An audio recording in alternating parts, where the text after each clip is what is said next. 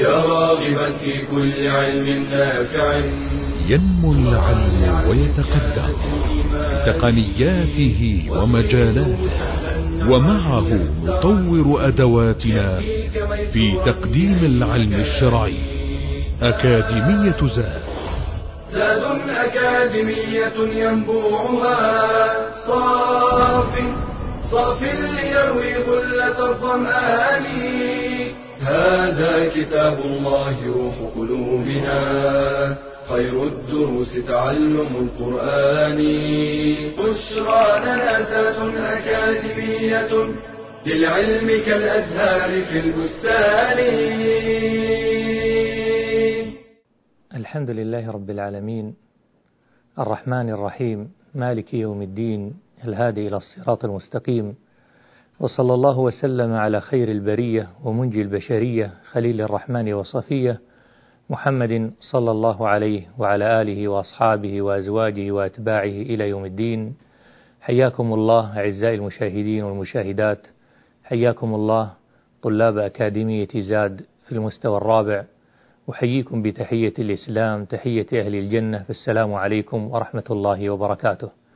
نحن اليوم في الحلقة الثالثة والعشرين على مائدة التفسير ومائدة القرآن المبارك. وصلنا وإياكم إلى آخر صورة في هذه الموائد الجميلة الطيبة التي عشنا معكم وإياكم أجمل الأيام مع كلام الله وكلام رسوله صلى الله عليه وسلم. اليوم موعدنا مع آخر صورة في القرآن وهي صورة الناس وهي صورة مدنية ابتدأها الله عز وجل بقوله قل أعوذ برب الناس ملك الناس إله الناس من شر الوسواس الخناس الذي يوسوس في صدور الناس من الجنة والناس.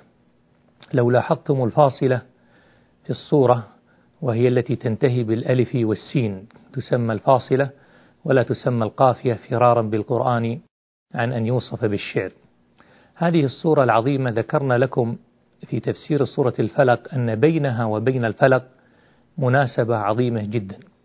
أولا أنهما هما المعوذتان التي كان يستعيذ بهما رسول الله صلى الله عليه وسلم سورة الفلق وسورة الناس. وهما مع سورة الصمد قل هو الله أحد. كان النبي صلى الله عليه وسلم يرفع يديه ثم ينفث فيهما ثم يقرأهما عليه الصلاة والسلام. ثم يمسح بهما ما استطاع من جسده صلى الله عليه وسلم. وبين الصورة الفلق والناس مناسبة عظيمة ذكرناها لكم في اللقاء الماضي ولا مانع من إعادتها لتبيان ذلك. في سورة الفلق قال الله قل أعوذ برب الفلق المستعاذ به واحد أو صفته واحدة وهو رب الفلق سبحانه وتعالى والمستعاذ منه ثلاثة أشياء. قل أعوذ برب الفلق المستعاذ منه من شر ما خلق ومن شر غاسق إذا وقب ومن شر النفاثات في العقد. في سورة الناس العكس المستعاذ به ذو ثلاث صفات والمستعاذ منه شيء واحد. فنقول قل أعوذ برب الناس ملك الناس إله الناس ثلاث أشياء من شر الوسواس الخناس الذي يوسوس في صدور الناس. فالمستعاذ به شيء واحد وهو الوسواس. والمستعاذ والملتجأ إليه هو ذو ثلاث صفات سبحانه وتعالى بعكس سورة الفلق. فهذه من المناسبات التي بين سورة الناس وسورة الفلق. والمناسبات اتحاد الموضوع وهو اللجوء إلى الله عز وجل والاعتصام به وبصفاته سبحانه وتعالى من شر الأشرار. فأصبحت الأشرار في هاتين الصورتين أربع أشرار. قل أعوذ برب الفلق من شر ما خلق ومن شر غاسق إذا وقب ومن شر النفاثات في العقد ومن شر حاسد إذا حسد. وهنا أيضا من شر الوسواس الخناس وسنأتي إلى تفسيره بإذن الله. هذه هي المناسبة بين صورة الفلق وصورة الناس. أما معاني الصورة إجمالا فالله عز وجل يقول قل أعوذ برب الناس وذكرنا لكم أن الهدف من إيراد قل أن النبي صلى الله عليه وسلم لم يكتم شيئا من الوحي حتى والله يقول له قل يقول قل حتى لا يكتم حرفا واحدا من حروف الوحي لأنه مستأمن عليه صلى الله عليه وسلم كما استأمن الله عليه جبريل نزل به الروح الأمين. على قلبك. والنبي صلى الله عليه وسلم أدى الوحي كما سمعه بالحرف الواحد من جبرائيل عليه الصلاة والسلام وجبرائيل هو جبريل. وهو أحد اشتقاقات اسمه عليه السلام. المهم أن النبي صلى الله عليه وسلم لم يكتم شيئا من الوحي حتى الحرف الواحد لم يكتمه كما روي عن الحسن عن الحسين بن علي رضي الله عنه. لو كان النبي صلى الله عليه وسلم كاتما شيء من الوحي لكتم الآيات التي في سورة الأحزاب التي نزلت في في زواجه من زينب بنت جحش رضي الله عنها وأرضاها. وتخشى الناس والله أحق أن تخشى وتبدي في نفسك ما الله مبديه. قال لو كان النبي صلى الله عليه وسلم كاتما شيئا من الوحي لكتم هذه الآية. ولكن حتى الذي يتكلم عن أعراض النبي صلى الله عليه وسلم النفسية والروحية والداخلية التي لا يعلمها إلا الله عز وجل ويخبر الله عز وجل بها ينقلها النبي صلى الله عليه وسلم كما ذكرها الله عز وجل بدون شيء. وأشياء كثيرة أيضا كقوله تعالى ولو تقول علينا بعض الأقاويل لأخذنا منه باليمين فالآية أيضا في عتابه صلى الله عليه وسلم. مع ذلك لم يخفيها صلى الله عليه وسلم. وكذلك جميع آيات العتاب كقوله تعالى عبس وتولى أن جاءه الأعمى وما يدريك لعله يزكى. أيضا هذه الآية في عتابه صلى الله عليه وسلم. ولكنه لم يخفي شيئا أبدا لأنه مستأمن على هذا الوحي عليه الصلاة والسلام. الله عز وجل قال في مطلع هذه الصورة قل أعوذ برب الناس وهو رب الناس وغيرهم سبحانه وتعالى. يعني هو رب الناس ورب الملائكة ورب الجن ورب السماوات ورب الأرض ورب الشمس ورب القمر ورب كل شيء. لكن لماذا خص, خص الناس هنا؟ لمناسبة الصورة فالمناسبة حاصلة في الحديث للناس وعن الناس وما يوسوس في صدور هؤلاء الناس. لذلك قال الله رب الناس كما في سورة الفاتحة قال مالك يوم الدين مع أنه مالك كل الأيام سبحانه وتعالى ولكن اقتضت المناسبة الحديث عن يوم الدين وهو أعظم الأيام على الإطلاق.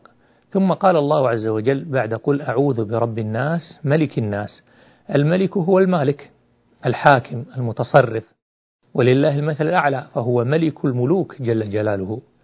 إله الناس أي مألوه ومعبود تألهه الناس وتعبده الذي له العبادة حبا وتعظيما دون كل شيء سواه. فهذه ثلاث صفات من صفات الرب عز وجل الربوبية والملك والألوهية.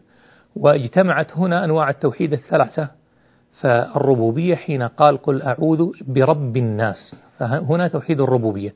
ملك الناس الملك من أسمائه وصفاته هنا توحيد الأسماء والصفات. إله الناس هنا توحيد الألوهية. فجمعت هذه الصورة بين أنواع التوحيد الثلاثة الألوهية أو الإلهية أو العبادة كما يسميه بعضهم والأسماء والصفات الذي زلقت فيه كثير من الفرق الباطنية والضالة وكذلك إله الناس وهو توحيد الألوهية. والاستعاذة بالرب الملك تستلزم أن تستحضر من صفات الله سبحانه ما به يدفع الشر عامة وشر الوسواس الخناس خاصة. أي نستعيذ بالله بصفاته من كل شر ذي شر. ولكن هنا الاستعاذة من الوسواس سواء كان مصدره شياطين الإنس أم شياطين الجن كما سيأتي بعد قليل. لذلك قال الله عز وجل من شر الوسواس. هنا بيان لهذا الشر الذي يستعاذ منه. والوسوسة الصوت الخفي والوسواس اسم من أسماء الشيطان. والوسواس الفعل كالطهور والطهور.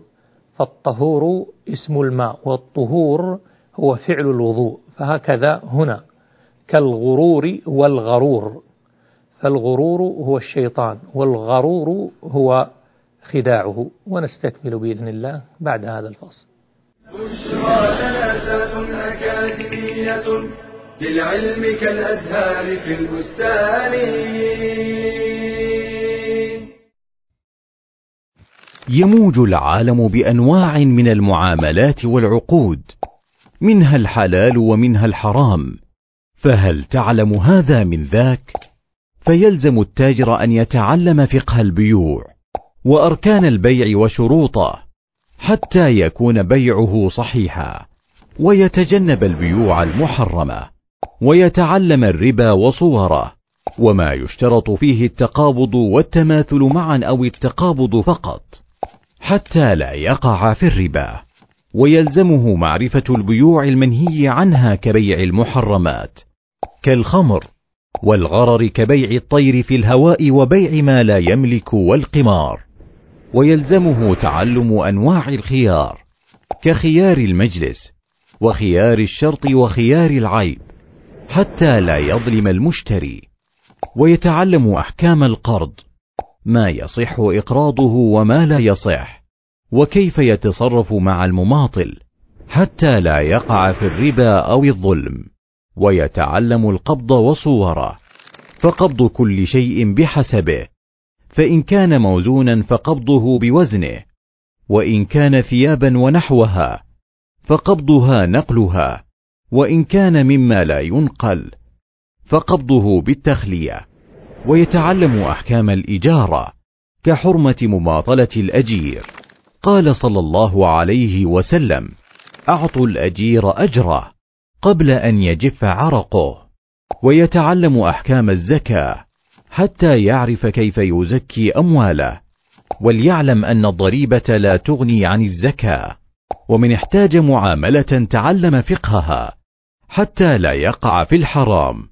قال تعالى وما كان الله ليضل قوما بعد إذ هداهم حتى يبين لهم ما يتقون. الله بكل شيء عليم. بشرى لنا أكاديمية للعلم كالأزهار في البستان.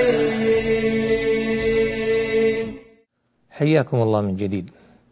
قال تعالى من شر الوسواس. وكما ذكرنا لكم أن الوسوسة الصوت الخفي. والوسواس اسم من أسماء الشيطان. سمي به لكثرة ملابسته إياه لكثرة ما يقترف الوسوسة. وهو أيضا ما توسوس به شهوات النفس وتسوله. أما الخناس فهو الذي يخنس وينهزم ويولي ويدبر عند ذكر الله عز وجل. فالوسواس هو نفسه الخناس. وسنأتي أيضا للتفريق وكيف اجتمع هذا الوصفان بعد قليل. فأمر الله عز وجل المستعيذ أن يتعوذ برب وملك وإله الناس من شر الوسواس الخناس وهو الشيطان الموكل بالإنسان. فإنه ما من أحد من بني آدم إلا وله قرين يزين له الفواحش ولا يألو جهدا في إفساده. نعوذ بالله. كان ذلك من الإنس أو كان ذلك من الجن. وقد ثبت في صحيح مسلم أن النبي صلى الله عليه وسلم قال ما منكم من أحد إلا وقد وكل به قرينه من الجن. قالوا وإياك يا رسول الله حتى أنت يا رسول الله. قال وإياي إلا أن الله أعانني عليه فأسلم. أي هذا الشيطان القرين أسلم واعتنق الإسلام فلا يأمرني إلا بخير. وقال بعضهم فأسلم. بتسكين الميم أي فأسلم من وسوسته ومن شره. وفي ضبط صحيح مسلم فأسلم هكذا أي أسلم هذا القرين الذي مع النبي صلى الله عليه وسلم لقوة إيمان النبي صلى الله عليه وسلم ولكثرة دعوته إلى الله عز وجل فأسلم هذا القرين فأصبح لا يأمر إلا بخير. يأمر النبي صلى الله عليه وسلم بكل خير. ثم ذكر الله ما من شأن هذا الوسواس الخناس أن يفعل أي ماذا يفعل هذا الوسواس الخناس؟ فقال الذي يوسوس في صدور الناس فيحسن لهم الشر ويريهم إياه في صورة حسنة وينشط إرادتهم لفعله ويقبح لهم الخير ويثبطهم عنه ويريهم إياه في صورة غير صورته أي يلبس عليهم كما يقال في تلبيس إبليس. من الجنة هنا أنواع الشياطين التي تحدث الله عنها وعن شرها في هذه الصورة وعن مصدر تأثيرها وعن مكانه ثم ذكر هنا صنفها. من الجنة والناس هذه الآية بيانية أي تبين الذي يوسوس في صدور الناس. كما يكون من الجن يكون أيضا من الإنس كما قال تعالى وهذا من تفسير القرآن بالقرآن وكذلك جعلنا لكل نبي عدوا شياطين الإنس والجن شياطين الإنس والجن يوحي بعضهم إلى بعض زخرف القول غرورا. لكن هنا فائدة بلاغية ونكتة بلاغية. لماذا الله في هذه الصورة قدم شياطين الجن على الإنس؟ فقال من الجن والناس وفي آية الأنعام هذه قدم شياطين الإنس على الجن. قالوا في هذه الصورة أي في صورة الناس قدم الجن على الإنس للكثرة فهم أكثر من الإنس. وفي صورة الأنعام قدم شياطين الإنس على الجن للخطر فهم يتكلمون بنفس اللسان ويلبسون نفس اللباس. إذا سر التقديم في صورة الناس الكثرة وسر التقديم في صورة الأنعام الخطر. أجارنا الله وإياكم من كثرتهم وقلتهم ومن خطرهم ومن كيدهم. أما الفوائد المتعلقة أيضا أيضا بهذه الصورة فمنها عموم ربوبية الله عز وجل لكل الخلق وعموم ألوهيته ألوهيته وملكه لهم.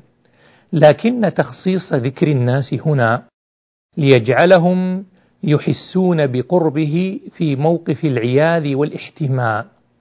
وهذا والله مجرب.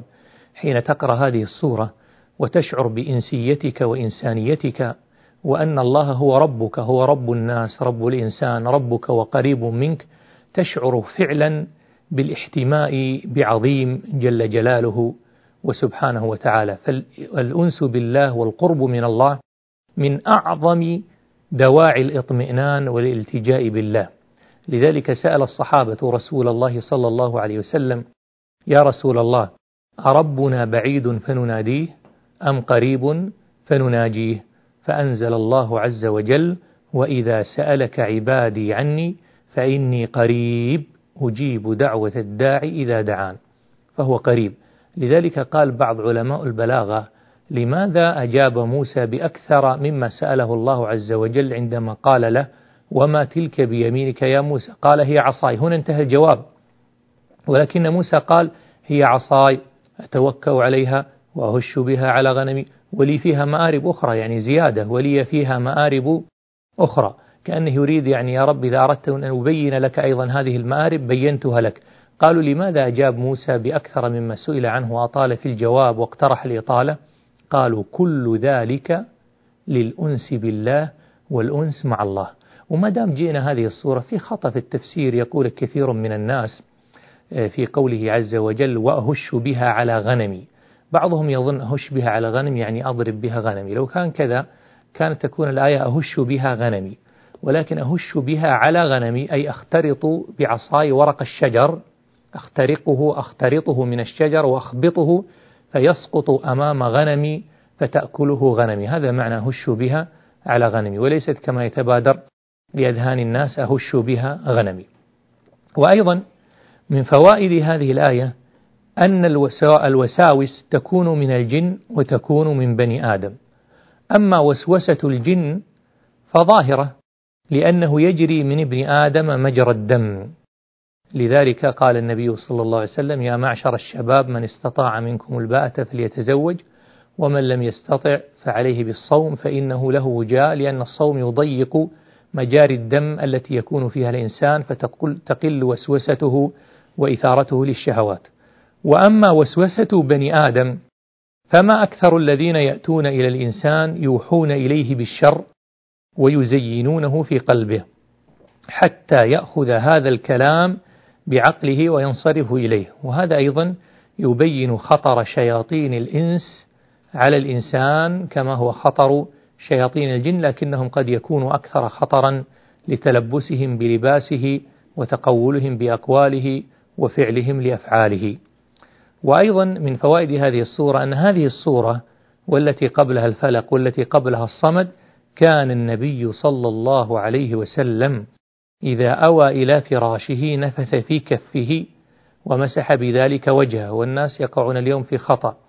يقرؤونها ثم ينفثون والصواب كما في الحديث النفث قبل القراءة ثم يمسح بذلك وجهه وما استطاع من بدنه وربما قرأها خلف الصلوات الخمس. أي أنها مما يقرأ أيضا من بعد أذكار الصلوات الخمس. فينبغي للإنسان أن يتحرى السنة في تلاوتها في مواضعها كما ورد عن النبي صلى الله عليه وسلم. لذلك قال النبي صلى الله عليه وسلم وما تعود متعوذ بمثلهما أي بمثل الفلق والناس. والله يا أخواني أنها وقاية من السحر والعين والشياطين الإنس وشياطين الجن وأنها أيضا علاج وشفاء. وكان النبي يستعيذ باستعاذات كثر لكن لما أنزلت عليه هاتان الصورتان الفلق والناس أخذ بهما وترك ما سواهما كما ذكرناه لكم في الحلقة الماضية. لذلك المطلوب منا أيها الإخوة أن نحافظ على هاتين الصورتين خصوصا فإن فيها القرب من الله والالتجاء لله والاعتصام بالله والأنس بالله والتحدث إلى الله بكلامه جل جلاله. فما أعظم هذه الصورة وما أعظم فوائدها؟ وبإذن الله بعد الفاصل نتكلم أيضا عن مزيد من الفوائد بإذن الله. بشرى أكاديمية للعلم كالأزهار في البستان. خلق الله الإنسان وجبله على العيش مع الجماعة والتعامل مع الآخرين فهو لا يستطيع العيش وحيدا مهما توفرت له سبل الراحة والرفاهية. لذا كانت الصحبة أمرا ضروريا للغاية وقد جاء القرآن والسنة ببيان أهمية الصحبة ومدى خطورتها على الإنسان.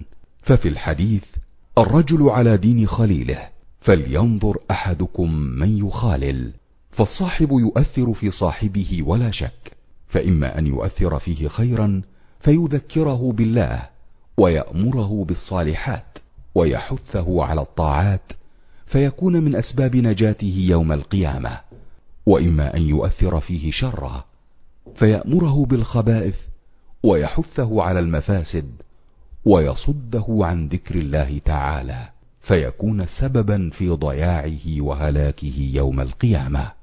قال تعالى ويوم يعض الظالم على يديه يقول يا ليتني اتخذت مع الرسول سبيلا. يا ويلتى ليتني لم أتخذ فلانا خليلا. لقد أضلني عن الذكر بعد إذ جاءني. وكان الشيطان للإنسان خذولا. ومن أوضح الأمثلة المبينة لأثر الصحبة ما ضربه النبي صلى الله عليه وسلم مثلا لتأثير الجليس على جليسه. فقال عليه الصلاة والسلام إنما مثل الجليس الصالح والجليس السوء كحامل المسك ونافخ الكير. فحامل المسك إما أن يحذيك وإما أن تبتاع منه وإما أن تجد منه ريحا طيبة. ونافخ الكير. إما أن يحرق ثيابك وإما أن تجد ريحا خبيثة. فالعاقل يتخير الصالحين والأخيار لمجالستهم والقرب منهم ويبتعد كل البعد عن صحبة الذين يوردونه المهالك ويورثونه الندامة في الدنيا والآخرة. الأخلاء يومئذ بعضهم لبعض عدو إلا المتقين. بشرى لنا أكاديمية للعلم كالأزهار في البستان. حياكم الله من جديد. من الفوائد التي ذكرناها لكم في هذه الصورة في الصورة التي قبلها اللجوء إلى الله جل جلاله. والاحتماء بحمايته واللجوء إلى ملجئه سبحانه وتعالى.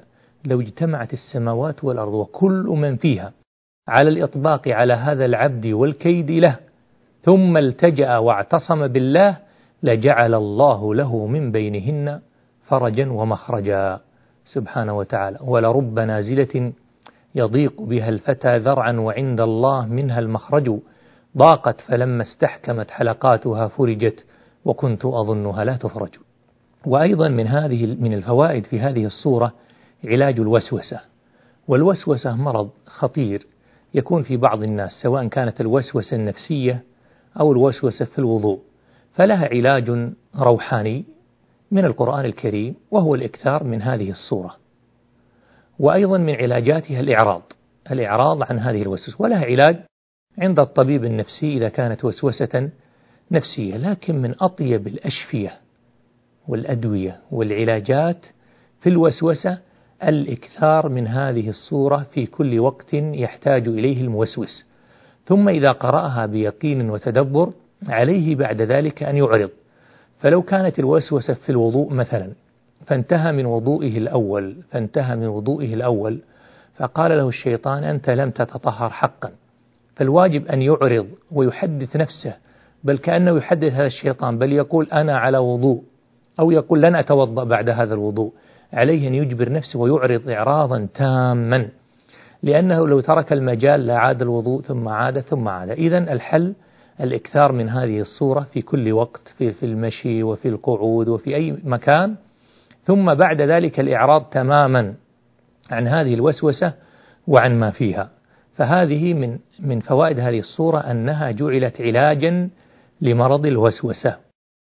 أيضا من فوائد هذه الصورة أن كل من زين الباطل وجعل الحق باطلا وجعل الخير شرا وجعل المعروف منكرا فإنه شيطان. كان ذلك من الجن ووسوسته أو كان من الإنسان ووسوسته. وأحيانا يكون الشيطان من أقرب خاصة الإنسان إذا كان من شياطين الإنس. وأما شيطان الجان فهو متلبس بالإنسان عليه أن يستحضر عداوته وعليه أن يستكفي بالله من شره. وأيضا من الفوائد في هذه الصورة الجمع بين قوله تعالى الوسواس الخناس. وهاتان صفتان ذكرهما الله عز وجل في هذه الصورة للشيطان فسماه وسواس وسماه خناس. والوسواس هو الذي يقبل بالوسوسة والخناس هو الذي يفر ويهرب. فكيف تجتمع هذه؟ يعني وسواس وخناس. قالوا وسواس إذا غفلت عن ذكر الله. وسواس إذا غفلت عن ذكر الله وخناس إذا ذكرت الله فهو يوسوس لكنه يخنس فكلما ذكرت الله عز وجل خنس وهرب وولى وأدبر لذلك لا يستطيع الشيطان أبدا أن يحتمل الأذان لأن الأذان كما سماه النبي كما قال فيه النبي صلى الله عليه وسلم الأذان دعوة تامة اللهم رب هذه الدعوة التامة فالشيطان لا يحتمل الأذان أبدا بل يولي وله ضراط كما ذكر ذلك النبي صلى الله عليه وسلم لكنه يعود ويوسوس في الصلاة. لكن الأذان لا يستطيع لأنه دعوة تامة. لذلك أبعد ما يكون الشيطان عن الدعاء إلى الله العاملين بعلمه. أيضا من فوائد هذه الصورة أن الشيطان كما ذكرت لكم ليس منحصر في الجن ومن حصر الشياطين في الجن فقد حجر واسعا. فالإنسان كما ذكرنا قد يكون شيطانا وبنص القرآن هنا في هذه الصورة وفي سورة الأنعام وكذلك جعلنا لكل نبي عدوا شياطين الإنس والجن. يوحي بعضهم إلى بعض زخرف القول غرورا. فهو بالإثبات وبالنص القرآني أن الشيطان إنسي كان أو جني. أجارنا الله وإياكم من هذا ومن هذا. أيضا في هذه الصورة إشارة إلى الرفقة. فإن الشيطان الجاني هو رفيق للإنسان. فهو يوسوس له ويزين له الباطل.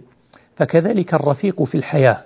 عن المرء لا تسل وسل عن قرينه فإن القرين بالمقارن يقتدي. وقال النبي وهو أصدق من ذلك قوله صلى الله عليه وسلم المرء على دين خليله فلينظر أحدكم من يخالل.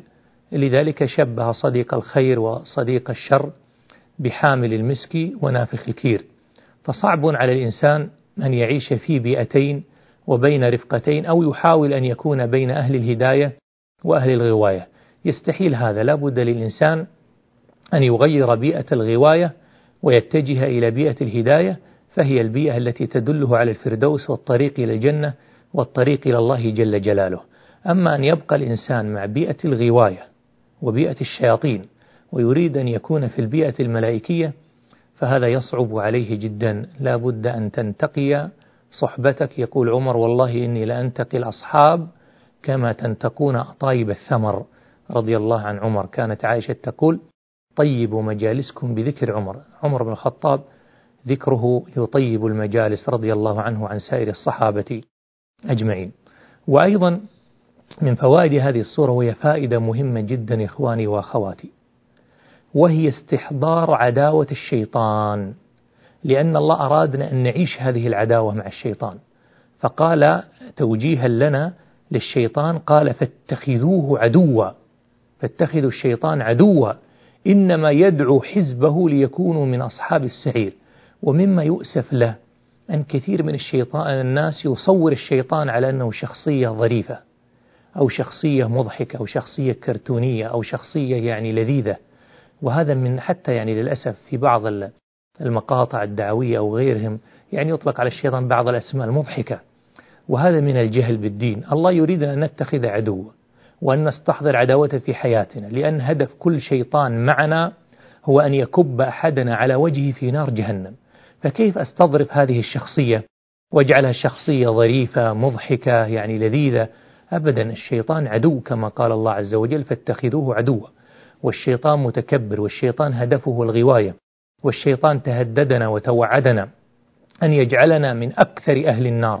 أجارنا الله وإياكم وطلب من الله الخلد في الحياة الدنيا حتى يهوي بنا إلى نار جهنم. أجارنا الله وإياكم. لذلك يا أيها الإخوة يا أيها الأخوات علينا الحذر من الشيطان وهو يتبرأ منا يوم القيامة. وقال قرينه ربنا ما أطغيته ولكن كان في ضلال بعيد. يعني يوم القيامة كمثل الشيطان إذ قال الإنسان اكفر فلما كفر قال إني بريء منك. إني أخاف الله رب العالمين. لذلك هو أكبر عدو للإنسان هو القرين الذي معك الذي يهدف من صحبته والعيش معك أن يكبك على وجهك في نار جهنم. أجارنا الله وإياكم من الشياطين ومن مكرهم. إذا نستحضر هذه الصورة بعد أن سمعنا هذا التفسير الطيب المبارك من كل قلوبنا. فنقول أعوذ بالله من الشيطان الرجيم. بسم الله الرحمن الرحيم. قل أعوذ برب الناس ملك الناس إله الناس من شر الوسواس الخناس الذي يوسوس في صدور الناس من الجنة والناس. أسأل الله عز وجل أن يجعل ما قلت حجة لنا وإياكم لا علينا وأن يعيذنا وإياكم من شياطين الإنس والجن. بسم الله الذي لا يضر مع اسمه شيء في الأرض ولا في السماء وهو السميع العليم. بسم الله الكافي بسم الله الشافي بسم الله المعافي. الله أكبر الله أكبر الله أكبر. مما نخاف ونحذر. عز جارك وجل ثناؤك وتقدست أسماؤك.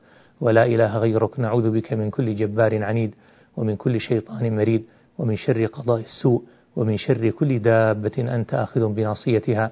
يا عظيم السلطان يا قوي الأركان يا شديد البرهان. حسبنا الله وكفى سمع الله لمن دعا. اللهم إنا نعوذ بك من زوال نعمتك وتحول عافيتك وفجاءة نقمتك وجميع سخطك. وإلى اللقاء بإذن الله.